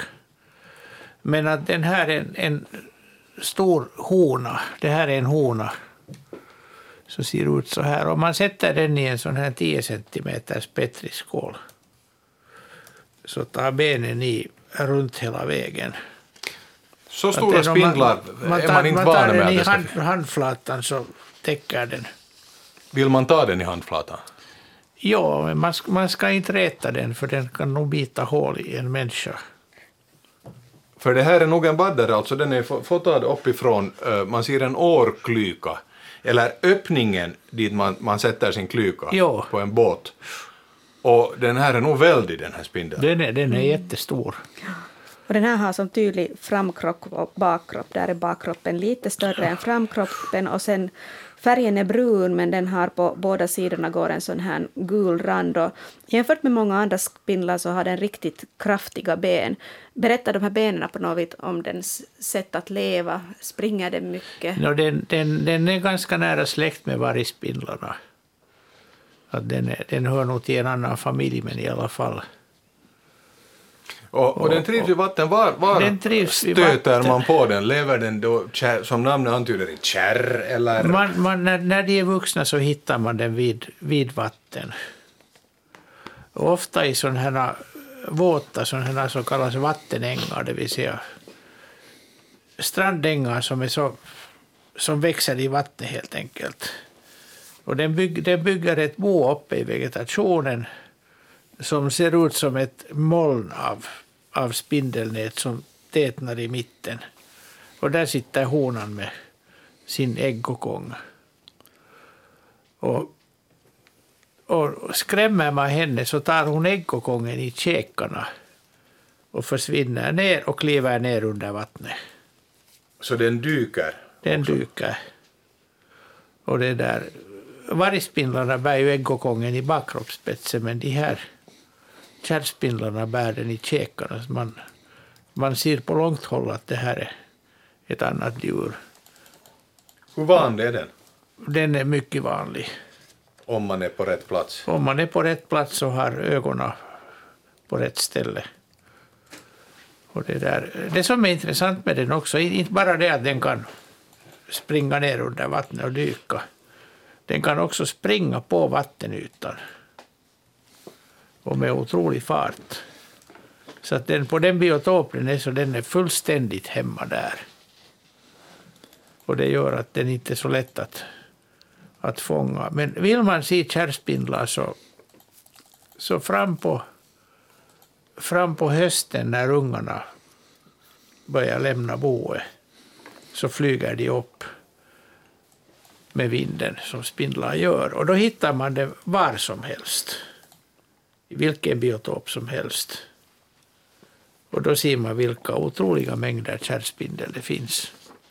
Mhm. Men att sen det ska, den ska ha rätt biotop för att, för att häcka. Men någon, någon ov- ovanligt djur är det inte alls. Ah. De, de här fotona är förresten föredömligt skarpa. De Speciellt är, här de, är, de är bra, ja. Och, och här en, man ser naturligt den här proportionen. Här, man- man ser då det här gula, hur tydligt syns det på riktigt? Här, här, solen råkar ju träffa det här på de här fotona. Det syns mycket bra. Men att vi har ju en, en nära släkting till den här som vanligen saknar de här sträckorna. Och den, den är ännu lite större. Och den, den brukar kallas båtspindel för att man hittar den ofta i båtar. Och den här var ju också i en båt. Men Intressant. Det är, ja. Ja, fa- faktiskt, man hittar ju dem i båtar därför att de syns inte om de är i vegetationen. Ja. Mm. Så här stora spindlar så man, man vet inte om att de i Finland finns det, så när man föreställer sig att finns i, i Sydamerika eller Australien eller, eller någonstans Ja, i tropiska den, den här skulle ju vara liten där. Ja, för all del. För all del. Allt är relativt här i Ja. världen. Eh, vi har ett samtal på inkommande. Hallå, hallå, det är Naturväktarna. Välkommen med. Tack, det är Ann-Marie från Lappes. Hej. Hej.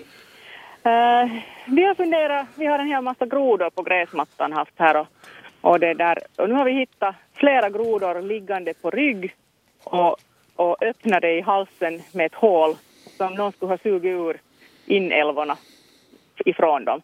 Och nu är det ju sådana grodskorpor då kvar av dem. Att vilket djur är det som äter grodorna på det sättet? Jaha. Ja. De är på ett litet område då, det är på samma gräsmatta som om... om Ja, Hur, ja det är på samma hur gräsmatta. stora grodor är det? Men det, det varierar, men det är, nog, det är nog lite större, vad ska jag säga, 10 cents grodor. Ja, ja, så det är inte sådana här små ungar. Nej, nej, det är det inte. de är ju grodyngel ännu. De, de har... Nej, men när de kommer på land Ja, så är de visst, som visst. grodor, men de är ju bara Ja. en och en halv centimeter långa. Jo, vi bor bredvid Tässjö å, så där, där är liksom grodor en massa nog så här uh, slutet på maj, början på Så juni. de, är- och- de är då fångade och, och utdruckna. Jag, Ja, jag, undrar, jag undrar om det skulle kunna vara näbbmöss. Mm. De kan, de kan inte svälja, men de kan, de kan nog ta livet av en groda. Och,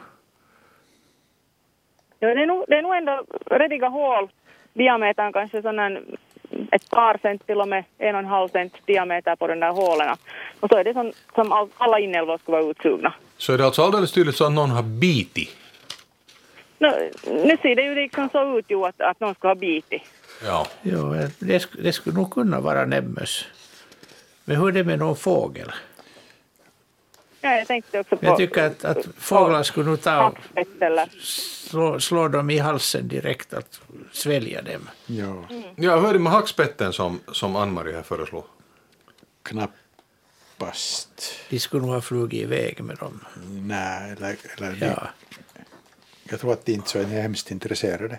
Men jag tänkte att det skulle finnas något litet mårddjur som skulle vara intresserad av gro- grodor. Vet ju att utter äter gärna grodor, men den äter dem på ett annat sätt. Och det är en flår. Det är flår de, ja, men skulle ett mindre... Jo, det här är nog redigt på land liksom. Att Ja. det, det är inte Ja, alldeles just det. passion utan, Ja. utan redigt nog upp på Så, så, gräsmattan. så, så tänker du göra en på någon vessla eller någonting? No, jag tänkte att skulle det kunna vara möjligt, de är ju opportunister de också äter Ja. det de får tag på. Men Mm. Nu vet vi nog ganska dåligt det här. ja, vi vet, det. vi vet det Jag ganska skulle kunna dåligt, fota, de, okänt. fota de där skorporna och skicka foto åt er. Så att, Om, Så om det hjälper. ja. Nu kan, precis. vi, kan- vi kan bolla vidare till... Jo, och om någon lyssnare äh, Ja. vet så mejla gärna in de här, de här era teorier eller svar. Eller, Ja, det skulle vara intressant att Absolut. veta. Det här låter ju jätteintressant. Hur många grodor sa du att det, det var ungefär? Men nu har vi nu hittat åtminstone fyra, fem grodor liggande där. Ja, så mycket hittar jag här nu att, att näbbmössen äter grodor. Aha. Ja. Så det kan nog vara. Men då låter det ganska De, troligt. de för kan ju inte gärna svälja dem hela om Nej. de är så där stora. Men, Nej, nej, det är nog för stora. men de har, de har vassa tänder och. Ja. och näbbmöss finns det antagligen. Åtminstone sist jag hörde dem så fanns det hur mycket som helst. Jo, no, det finns det ju säkert. Jo. Men ja. sen, sen när man tappar hörseln så, så är de borta. Man hittar den som, sen när de är döda och ligger där Ja. plötsligt på stigen. Och förr hörde man hela tiden. Var som helst sprang det näbbmöss i skogarna och, och trädgården. Mm. Just det. Ja, men det gäller att, att fortsätta försöka lösa gåtan. Försök hålla ögonen och öronen öppna om du skulle höra näbbmöss där. Men det här Ja. låter som en, som en kanske sannolikt. Ja, råkar det finnas en viltkamera där? Jo, det har vi nog. Så vi ska Om- försöka om- fånga den om på den skulle, den Ja, skulle, det skulle Man skulle Ja. rigga den tillräckligt lågt. ja, Ja. det skulle vara jätteintressant. Ja. Den, den, re- jag, jag, jag tror ju nog att den reagerar på, på näbbmöss. Min reagerar på fåglar som hoppar omkring Ja, där. ja, just det. ja, nu gör den ju säkert det nog. Ja, det tror jag. Ja. Försök, Ja. det ska vara jätteintressant. Fint. Och Ja. tack ska du ha för samtalet, Ann-Marie. Bra, tack själv. Tack. Mhm. Mm, tack, hej. Hej! Hinner vi ännu med en kort liten webbfråga? Vi har... No, vi, har lite, vi har- vi har lite att rapportera på, flyg, på lysmaskfronten Nåja. för vi har fått ett, mm, ett meddelande från Magnus i Nykarleby som berättar att under många år i slutet på 1900-talet så såg vi nog lysmaskar rätt ofta där. Och sen berättar Sten att i Lappfors vid Kisk ordnades lysmasksafari för 10-15 år sedan. Och del, han deltog inte själv, men då såg det nog lysmaskar. Och jag kollade att det ligger där i, i höjd med Nykarleby inåt i landet. Så nu har det funnits en hel del lysmaskar i Nykarleby, så nu får gärna lyssnarna som bor i den regionen gärna de hålla skulle ögonen måste öppna. skicka in, in på foto då till... Man, man, kan, man kan skriva in det på, på laji.fi, Ja, en artdatabas. på- en artdatabas som är, är på det där Naturhistoriska museet. Mm, laji.fi och, Ja, och dit. men, men man ska sätta foto med. Här kom precis in ett foto på, på denna lysmas upp- upptäckte jag en sen sommarkväll i juli för två år sedan på min gårdsplan liggande i gräset. Hoppas fotona är tydliga av Ann-Britt uh, Kattilakoski. Men tyvärr Ann-Britt, du skriver inte var du befinner dig. Fotona finns. Men det vi konstaterade tidigare var då att, att um, enligt artdatabasen så är de nordligaste eh, det där, observationerna i Österbotten i Vasatrakten. Så speciellt om ni ser lysmaskar norr om Vasa så ja, men ser du, det, är det... inte, det är inte så långt ifrån. Nej, nej nu Karleby är en, Ja, en, det- en bit ifrån men inte så Det väldigt långt. finns, finns ganska tunn sort med entomologer i Österbotten. Nå, nu kan vi ju åtminstone här, tack vare våra aktiva lyssnare här, så kan vi ju uppdatera den här förekomsten. Men, men precis som Anders här säger, uh, laji.fi, dit kan man gå in och uppdatera med foto var man Ja. har observerat någonting. För att om, om man kommer med någonting från, från ett nytt ställe utan be, belägg så kommer det att få en stämpel som Icke verifierad. icke verifierad. Mm. Lajipistefi är för övrigt och annars också en mycket bra sida om man vill hitta. I Terjärv ö, uppdaterar nu Ann-Britt Kattilakoski. Hennes foton är från Terjärv i Österbotten. det, det är ju ännu längre norrut, det är inte så. Nu går det över till geografi och det här programmet handlar om biologi. Jag räddar er så här. Tack ska ni ha, bästa lyssnare, för att ni var med oss ikväll.